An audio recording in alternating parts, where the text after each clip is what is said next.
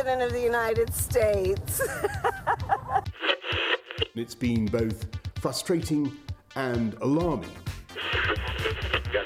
Det har sikkert været frustrerende ikke at kunne være sammen i større grupper. 二零二零年是极不平凡的一年。Breaking news tonight the deadly siege on Congress as an angry pro Trump mob storms the U.S. Capitol. To compose a country committed to all cultures, colors, characters, and conditions of man.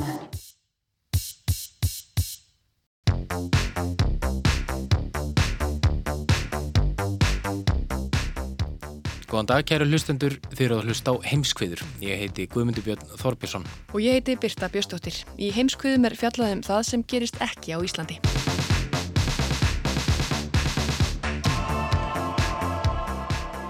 Erum við vorum svo spennt að byrja þáttinn síðast að við glimtum að minnast á nýjar upphafsrættir. Já, einmitt, það sem þessi lítið breyta útgáfa þættinu margar eiginlega upphaf þriðju þáttarar heimskviða. Þá vildum við skipta út þeim sem við heyrum í upphafi þáttar. Og hvað ágæta fólk er þetta svo? Já, sum eru kannski auðþekkjanlegar en önnur. Jú, ætli það ekki. Fyrst er það allavega glad hlakkaleg Kamala Harris var á fósiti bandaríkjana. Upptakan er af síndalið þegar hún ringir í Joe Biden. Það lóksins var ljóst hvernig fósitakostningarnar þar vestra fóru í november. Já, og svo er það Boris Johnson, fósittisáður af Breitlands. Hann er nú ekkert sérlega kátur í sínu máli þarna en það hefur koronaviru faraldurinn leikið í að bæði hann og alla landa hans í Breitlandi í grátt. Emitt og eftir honum kemur Margaret Danadrottning og hún er á svipuðum nótum. Þetta er búið að vera erfitt, segir hún. Já, og svo kom með Xi Jinping, fósitta Kína og hann segir, já, kínverska mínu er ekkert sérstök, hvað segir hann, Guðmundur Björn? Já, ég held að það sé bara óska að kynverum gleðilegs nýs árs, það er nú eitthvað sem þjóðarleitt var verða nú að gera og eftir Kínafósita þá má heyra frettir af innrásinni í þingkosið í Washington þann 7. janúar síðastlinn. Já, og síðast en ekki síst, þá er það svo einn 22 ára Amanda Gorman sem stál senunni við innsetningaratöp Joe Biden þann 20. janúar. Og þá er það upptalið, en hvað ætlum við annars að fjalla um í dag í þessum ákveða þætti? Við ætlum að fjalla um niðurstur fórstöðukostninga í Uganda sem fóru fram 14. janúar síðastliðin. Kanski ekki beint kostninga þar sjálfar heldur meira svona hvað hefur gerst í kjölfarið en Bobby Vine, 38 ára gammal tónlistamæður, bauð sér fram gegn sitjandi fórseta Musveni en hafði ekki erindi sem erfiði og hefur verið í stofufangelsi síðan þá. Hann var reyndar sleft úr stofufangelsi fyrir þessari viku. Þetta er allt hefðið forvitnilegasta mál en Bobby Vine er gríðarlega vinsætli í Uganda. Akkurat og svo ætlum við að fjalla um gaggrinni hjálparsamtaka á fjölmiðla um hvernig fjallað eru mannúðakrísur eða kannski öllu heldur hvernig er ekki fjallað um þar og hvað er fjallað um í staðin. Og síðast en ekki síst allar Bói Ágússon að ræða við Ragnar Bjart Guðmundsson, markað sérfræðing hjá Marel sem heldur út í gagnagrunni um heimsfaraldurinn. Þar kemur fram að raunveruleg tala smita á heimsvísu sé á 500 miljóna. Bói ræðir einnig um mismunandi leiðir þjóða í baróttunum veiruna, þar á meðal sænsku leiðina svo köllu. En fyrst ætlar þú, Guðmundur Björn, með okkur til Uganda. The bad news is that everyone is a potential victim. But the good news is that everyone is a potential solution. Sensitize the masses to sanitize, keep a social distance and quarantine. Þekkið þú þetta laga, Birta? Já, mér rámar eitthvað í það. Þetta er náttúrulega Bobby Wine og þetta lag hefur nú heyrst áður í heimskuðum, er það ekki? Jú, há rétt. Við heyrum hér í ástsælasta tónlistamanni Ugandabúa, Bobby Vine, syngja um koronaviruna og þá hættu sem henni fylgir. Hann hvetur fólk til að spritta sig og vera með grímu því veiran er skæð, syngur hann. Við fjöldluðum aðeins um það hver stóru hlutverki tónlist og tónlistarmenn gegna viða í Afriku við að koma mikilvægum skilabóðum á framfæri í umfjöldlun heimskveðum COVID-19 í Afriku síðastlið vor.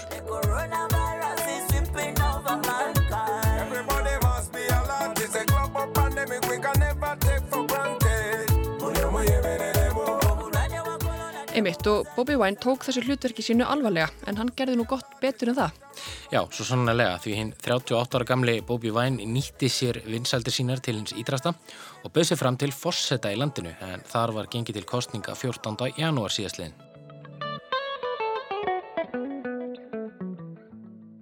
Og hann bauð sér fram gegn sítjandi fósetta, ekki satt? Jú, hann reyðist ekki á gardin þar sem hann er lægstur. Fósettin Jóveri Musveni hefur setið á fósettastóli síðastlinn 35 ár og mun sitja eitthvað áfram því Bobby Vine hafði ekki erindi sem erfiði. Það fekk 35% atkvæði í kostningunum en Musveni rúm 58%. En komið þessi úslit eitthvað óvart? Já, einhverju leiti því að þótt Musveni sé vissulega vinsæll hjá okkurum hópi í Uganda er hann líka umdeldur og, og Bobby Vine nöyð yfirbröð stuðnings meðal ungra kjósenda. Musveni hefur meðal annars verið harlega gaggrindur af Vine fyrir spillingu og hefur hann gengið svo langt að kalla Musveni harðstjóra. Musveni let til að mynda breyta kostningalögunum í landinu fyrir nokkrum árum en þau kváðu á um að ekki mætti bjóða sig fram til fórseta eftir 75 ára aldurinn. Þannig Músvinni gæði bóðið sig fram aftur en hann er nú 77 ára gammal. Og það gekk á ímsu í aldrahanda kostningana eða ekki? Jú, heldur betur. Týjir letust í átökum millir lauruglu og almennra borgara síðustu dagarna á vikurnar fyrir kostningar og hundruð slösuðust og þarna spilaði COVID-19 líka stórt hlutverk því fórsetinn og hans fólk harð bönnuðu allar fjöldasamkomur og, og báru fyrir sig sóttvarnareglur. En stuðningsfólk Bobby Vine segja að það hafi einungis verið tilröðin til að berja niður alla mótspilnu og koma í veg fyrir að Mó Sveini tapi kostningunum.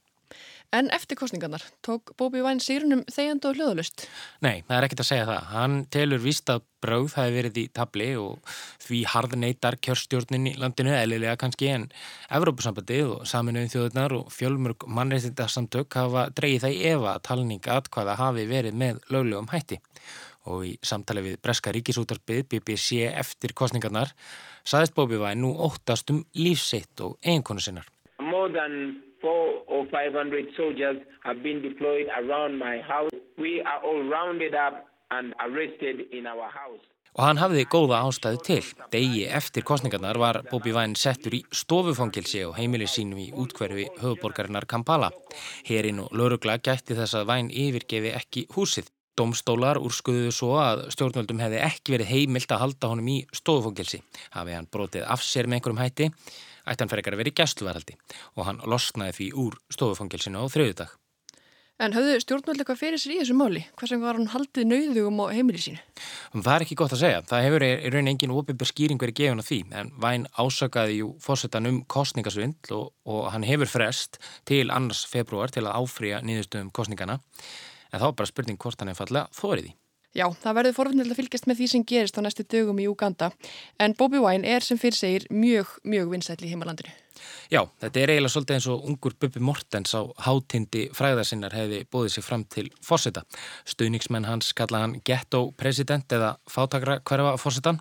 Hann ólst upp í fátakra hverfi í höfuburginni Kampala Og með tónlistinni hefur húnum tekist að vekja aðtegla á hennum ímsu réttindamálum og mikilvægi samfélagslæra umbóta eins og til dæmis með koronaviru læginu góða.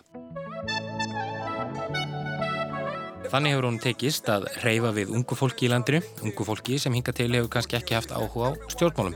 Og hann hefur margóft verið handtekinn síðast í november en þá voru hann gefið að söka hafa brotið sóttvarnarlög og þá í kjölfarið brötust út þau miklu mótmæli sem síðustu vikur í landinu hafa einnkenst af. Þar sem týjir almennara borgara hafa látist og flest þeirra skotin til bana af öryggisveitum. Og það er eiginlega engin leið að segja til um hvað gerist næst hvort mótmæli brjótist út ef Bobby Vine verði ekki kápan úr því klæðinu að ákjara fórsetan fyrir kostningasöld.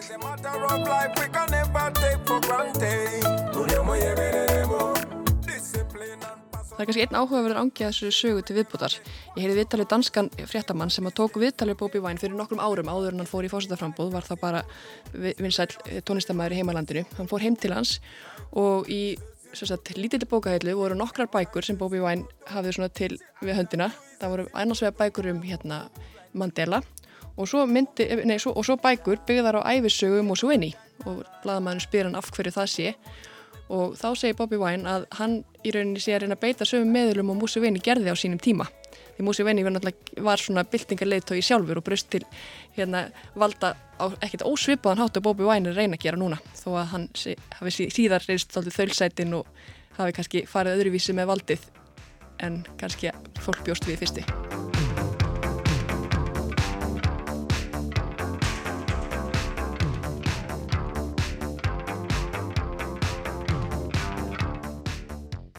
Málefni Uganda hafa verið talsvert til umfyllunar í erlendum miðlum og reyndar líka hér á landi en það er ekki alveg sama uppi á teiningnum þegar málefni annara Afrikuríkja eru annars vegar. Birta, þú ert með einhverja nýja skýrslu um þetta, ekki satt? Jú, Eh, Care International eru hjálparsamtök, þau voru stopnið árið 1945 og eru því einn elstu starfandi hjálparsamtök í heiminum. Þau berjast fyrir því að uppræta fátækt í heiminum og beita allskynns meðlum í baráttunni. Þau gaf út bísna áhugaverða skýslu á dögunum þar sem umfjöllun í fjölmiðlum er aðeins rínd. Ég veit ekki hvort það er hægt að segja að fjölmiðlar fáið þar á baukinn, það verða hlustendur kannski bara að dæma um. En niðurstöða aðtörunar þeirra er sem sagt að ýmsar fréttir á síðast ári hafi skikt all hressilega og fregnir af einum mestu mannúðakrísum sem ríkja í heiminum.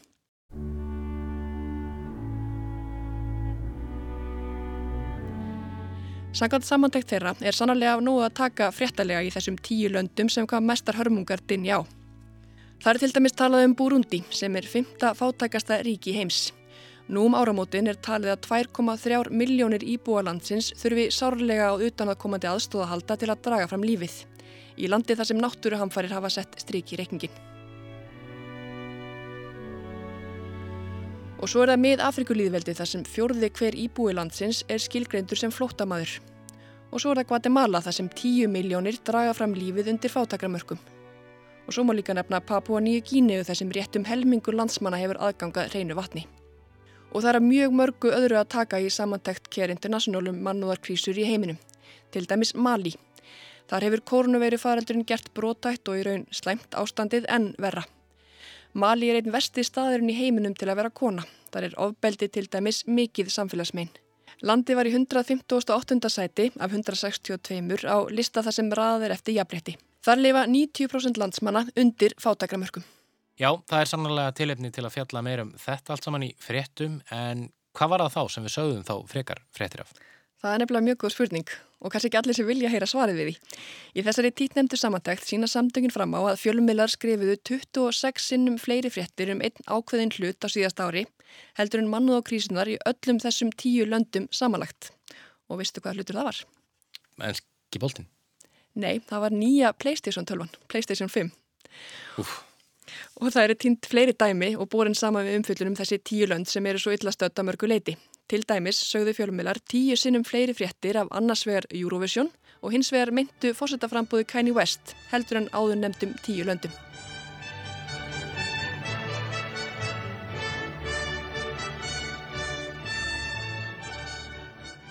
En er þetta ekki eitthvað sem er hægt að gera eitthvað í? Það má þetta alveg segja fréttir af Kanye West og Eurovision en það var ekki að skera á það að blanda þetta aðeins betur eða hvað?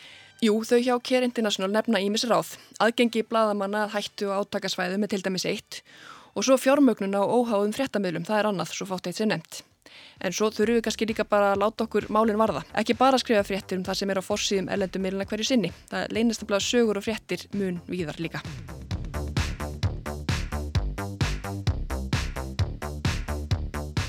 Emitt, en þá að öðrum, í vikunni fór tala staðfestra koronaviru smita í heiminum yfir 100 miljónir. Ragnar Bjartur Guðmundsson, markasérfræðingur hjá Marel, sem heldur út í ítarlegum gagnagrunni um heimsfaraldurinn, telur að raunveruleg tala smita sé á 500 miljóna. Bóji Ágústsson ræðir við hann um farsóttina, mismunandi leiðir þjóða til að verjast veirunni, sænsku aðferðina, svo kalluðu og fleira um COVID-19. A year ago today fewer than 1,500 cases of COVID 19 had been reported to WHO, including just 20 cases outside China. This week, we expect to reach 100 million reported cases. Þetta var Dr. Tedros Adhanom Ghebreyesus, forstjóri alþjóða hilbriðismála stopnunarinnar fyrir vikunni að segja fyrir réttu ári hefðu skráð tilfelli af COVID-19 verið innan við 1500. Í þessari viku færi tala síktra yfir 100 miljónir. Og það gerðist. Núna eru staðfest tilfelli tæplega 102 miljónir. Um 2 miljónir og 200 þúsund hið minsta hafa látist í koronaviru faraldrinum til þessa. Af þeim hafa lang flestir dáið í bandaríkjónum meirinn 430.000 en hlutfalslega hafa flestir dáið í smáríkinu San Marino þar sem 65 hafa látist af völdum COVID-19. Það svara til þess að 1933 af hverri miljón íbúa hafi látist. Þetta hlutfall er næst hæst í Belgíu eða 1811 af hverri miljón. Samsvarandi tala á Íslandi er aðeins 79.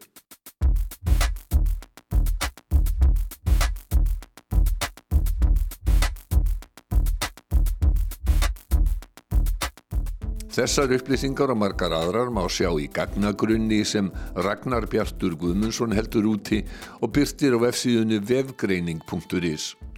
Ragnar stýrir greiningu á árangri markaðstafs hjá Marel. Það var kveikjana því að hann fór að taka saman upplýsingar um koronaviru faraldurinn. Mitt sér fag eh, er að greina eh, gögn og, og breyta þeim yfir í, í gaglegar upplýsingar. Ég er sem sagt e, mentaður hagfræðingur og stjórnmálfræðingur, starfa síðan hjá Marel og e, e, Marel var, varð tiltöla fljótt vart við þannan faraldur. Því að við erum með tölvara starfsemi í Kína, þannig að, að við þurftum að grýpa þar til sótarnar aðgerða Lang flestir hafa síkst og dáið af völdum verunar í bandaríkjónum. Þar eru skráð tilfelli 25 miljónir og tæplega 450.000 bandaríkjaman hafa látist úr COVID-19. Joe Biden bandaríkjafósiti segir að þessi tala í eftir að hækka mikið. Næst flestir hafa látist í Brasílium 220.000 og um 155.000 bæði á Indlandi og í Mexiko. Samkvæmt gagnagrunni Ragnars eru bandaríkjaman í tíundasæti þegar miðað efri mannfjölda. Hlutfalslega hafa fleiri dáið í Breitlandi, Tjekklandi og Ítalíu svo dæmi séu nefnd. Ragnar uppfærir gagnagrunin reglulega.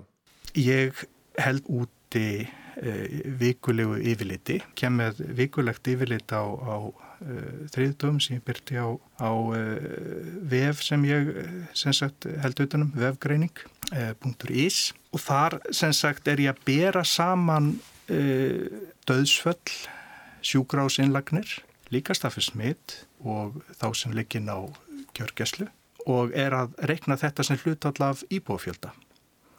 Þannig að ég er með eh, uppfærðar eh, tölur eh, um þetta og samaburð. Ef litið er á Norðurlöndin sérstaklega þá er mikill munur, langflestir hafa dáið í Svíþjóð, Svíjar höfðu vonast til þess að hafa komist yfir það vestægi höst en önnur bylgja skall þá af þeim af miklum krafti. Það var þungutótni í Stefan Löfven fórsættisráður í november er hann sagði að tíminn framundan gæti orðið svartur eins og nóttin. Alla indikationer, indikatorer pekar nu åt fel håll.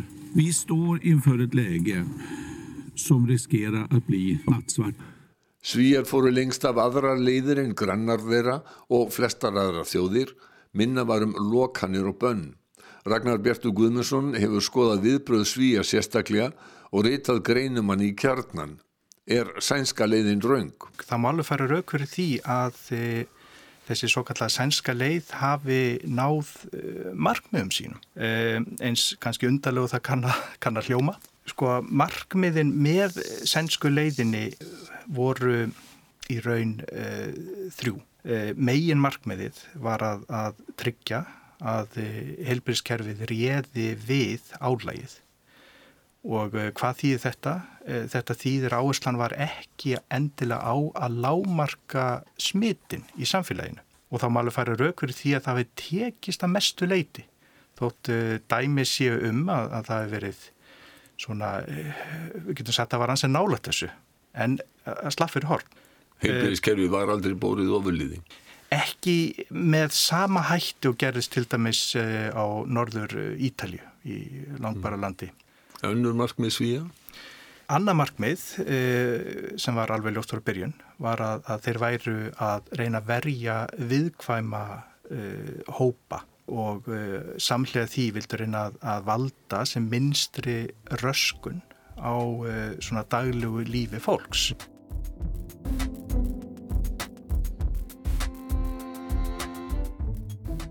Þetta markmið hefur kannski ekki náðust þeir hafa, og þeir hafa best í raun afsökunar eila á því að það hafi bara einfallega Tegnell, eh, Anders Tegnell, eh, Þórúlur þeirra, þeirra svíja, Já. hefur einmitt e, sagt að þetta að þeim hafi ekki tekist nógu vel að, að vernda e, sérstaklega gamla, gamla fólkið. Það var e, tölver útbreysla af veirunni á, á hjókurunar heimilum sem skýrir að, að nokkru leiti þess, þessi, þessi óeinu mörgu döðsvölds. Ef, ef við skoðum nefnilega tölurnar þá er þetta núna hátt í 15.000 manns sem hafa látist á Norðurlöndum í, í helsinni. Af þeim er að nálgast 12.000 í, í Svíþjóð. Þannig að, að hinn löndin skipta milli sín 3000 döðsöllum og ef við höfum í huga að svíjar eru ekki nema 40%, rétt innan við 40% af íbúafjölda Norðurlanda þá eru þetta, þetta svolítið, svolítið svakaleg tala. Þú sagður að markmiðin hefur verið þrjú? Þrjú, já, já, og ég ætla ekki að svíkja þeim það þriðja. Eh, þriðja markmiðið eh, var að eh, stíðast fyrir eitthvað við bóð heldur en bönn og, og þetta er, er svolítið svona inngróið inn í, inn í svona, getur við sagt, sænska kultúrin. Því þeir hafa yfirleitt alltaf geta treyst á þjóðina. Sýjar hafa verið hlýðinir þeir, þeir, þeir hlýða yfirvöldum en það hafa yfirvöld á yfirleitt komið með svona skinsanleg tilmæli en þetta hafa verið tilmæli frekar en, en bönn. Já, þetta treysta í rauninni á heilbriða skinsemi mm. fólks. Mm. Má ekki segja að það sé að sumuleiti sama aðferð og Íslandikar hafa beitt? Jú, þannig að það í raun má segja að, að sumuleiti, það er nefnilega svolítið erður að tala kannski um einhverja sér sænska leið því að e, sko Tegnell hefur e, til að mynda sagt að það sé engin sérstök sænsk leið. Þeir séu alltaf e, að, að endurskoða aðgerri sínar og, og bregðast við þegar koma nýjar, nýjar upplýsingar. En, en sænskur almenningur hefur verið við, við getum sagt að ástandi væri liklega mun verra ef almenningur hefði ekki verið með til dælu skynsalega nálgun í þessu, svona í persónulegum smittvörnum. Döðsföllum af völdum COVID-19 fenn og fælkandi í Svíþjóð og Anders Tegnell, sóttvarnalækni Svíja, segir að smittum fælki einnig sem og sjúklingum á sjúkrahúsum landsins. Svíjar kom ekki vel út í samanburði við önnu Norðurland en í alþjóðlegum samanburði er staðan ekki einn slæm. Ragnar Bjartur Guðmundsson. En við tökum til dæmis, eh, já bara Noreg sem dæmi, sem að þessa stundina eða, eða núna síðasta þriðdag, mm. það lágu inni ígildi 23 eh, íbúa á hverja miljón. Ef við berum þetta til dæmis saman við eh, önnuríki, við byrjum að bera þetta saman við Svíja, þá er talan næstuð í tífaltæri, 206 á hverja miljón. En ef við berum síðan Svíþjóð til dæmis saman við eh, Breitland, í Breitlandi eru innilegjandi eh, eða voru innilegjandi þarna fyrir vikunni 562 á hverja, hverja miljón. Í Breitlandi urðu sorgleg tímamót í vikunni. I'm sorry to have to tell you that today the number of deaths recorded from COVID in the UK has surpassed 100,000. Boris Johnson fórsættisráð þeirra tilkynnti á þriðju dag að tala látina í faraldrinum væri komin yfir 100.000. Í gær höfðu 104.000 látist úr COVID-19 á Breitlandi. 1525 á hverju miljón íbúa Breitlands hafa látist. Það er hæsta hlutfall meðal fjölmennra þjóða, hæra inn í bandaríkjunum og tvísvar og halvusunum meira inn í Þískalandi. Þar er talan 655 sem er svipað og á Írlandi. Lengi vel virtist ekki stór munur á áhrifum farsóttarinnar á Írlandi og á Íslandi en á meðan nokkuð vel hefur gengið að ná tökum og útbreyslu verunar hér á landi fóru hlutirnir úr böndum á Írlandi. Þú ert ekki einnum að hafa veitt þessu aðtegli sko, víða á Norðurlöndum, þessar aðgerri til dæmis sem, sem norðmenn er að grýpa til núna og, og danir hafa verið að grýpa til eru gaggjert til þess að forðast að lenda í því sama eins og Írar lendu í. Sko Írar fóru um, já, svona tiltöla vel út úr fyrstu bylgjunni. Um, hins vegar hefur núna á, á þessum, þessi sístu mánir hafa verið alveg hrikalegir í, í, á, á Írlandi.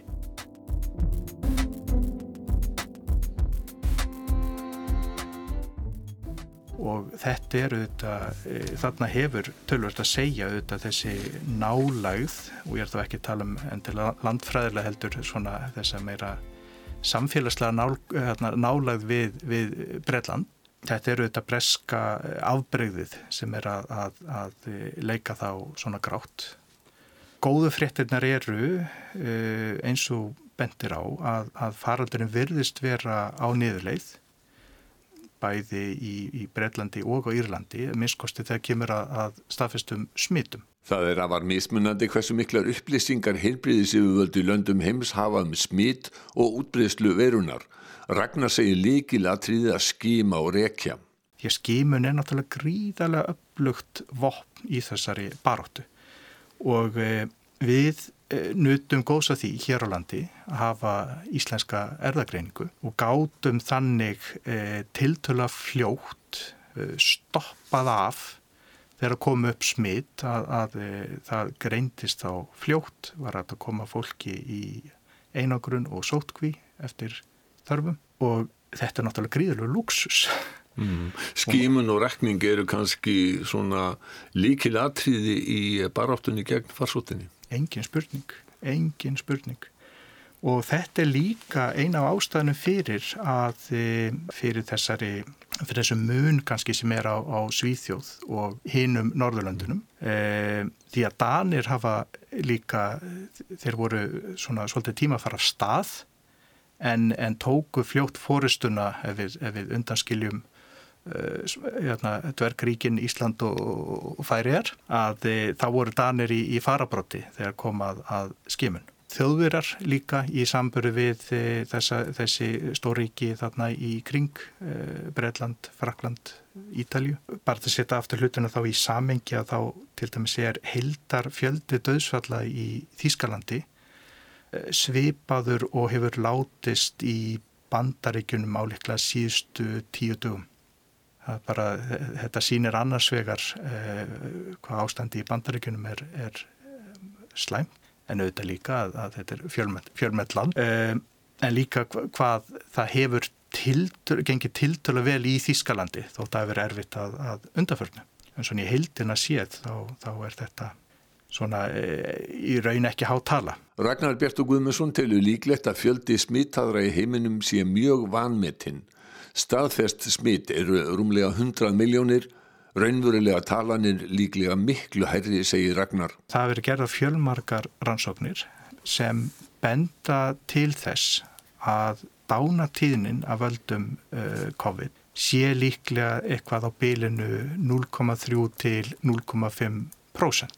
Með það í huga þá náttúrulega ljóst að þessi tala 100 miljónir staðfestar að smita að þetta er ekki náttúrulega brota af raunverulegum fjölda smitara og þá bara með einföldum útreikningi má sjá að, að ef við ger, gerum ráð fyrir eh, sem sagt 0,5% eða, eða 5 prómillum að þá myndir það þýða að e, það séu á 500 miljónir sem hafi þegar smittast af, af verunni út um allan heim.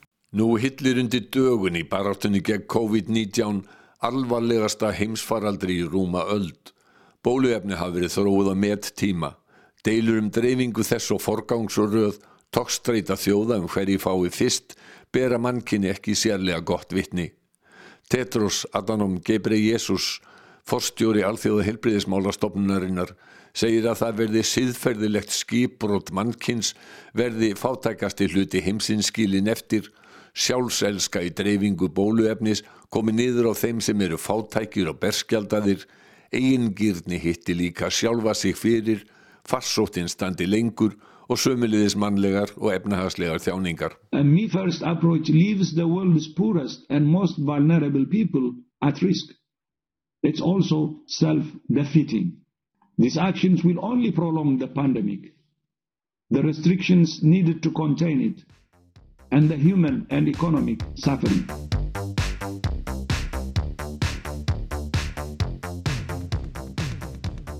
Heimskuður verð ekki fleiri þessa vikuna. Þannig að þátt og alla hina má finna á spilarnum á rú.is og öllum helstu hlaðarpsveitu. En við þakkum þeim sem hlítum og heyrumst aftur í næstu viku.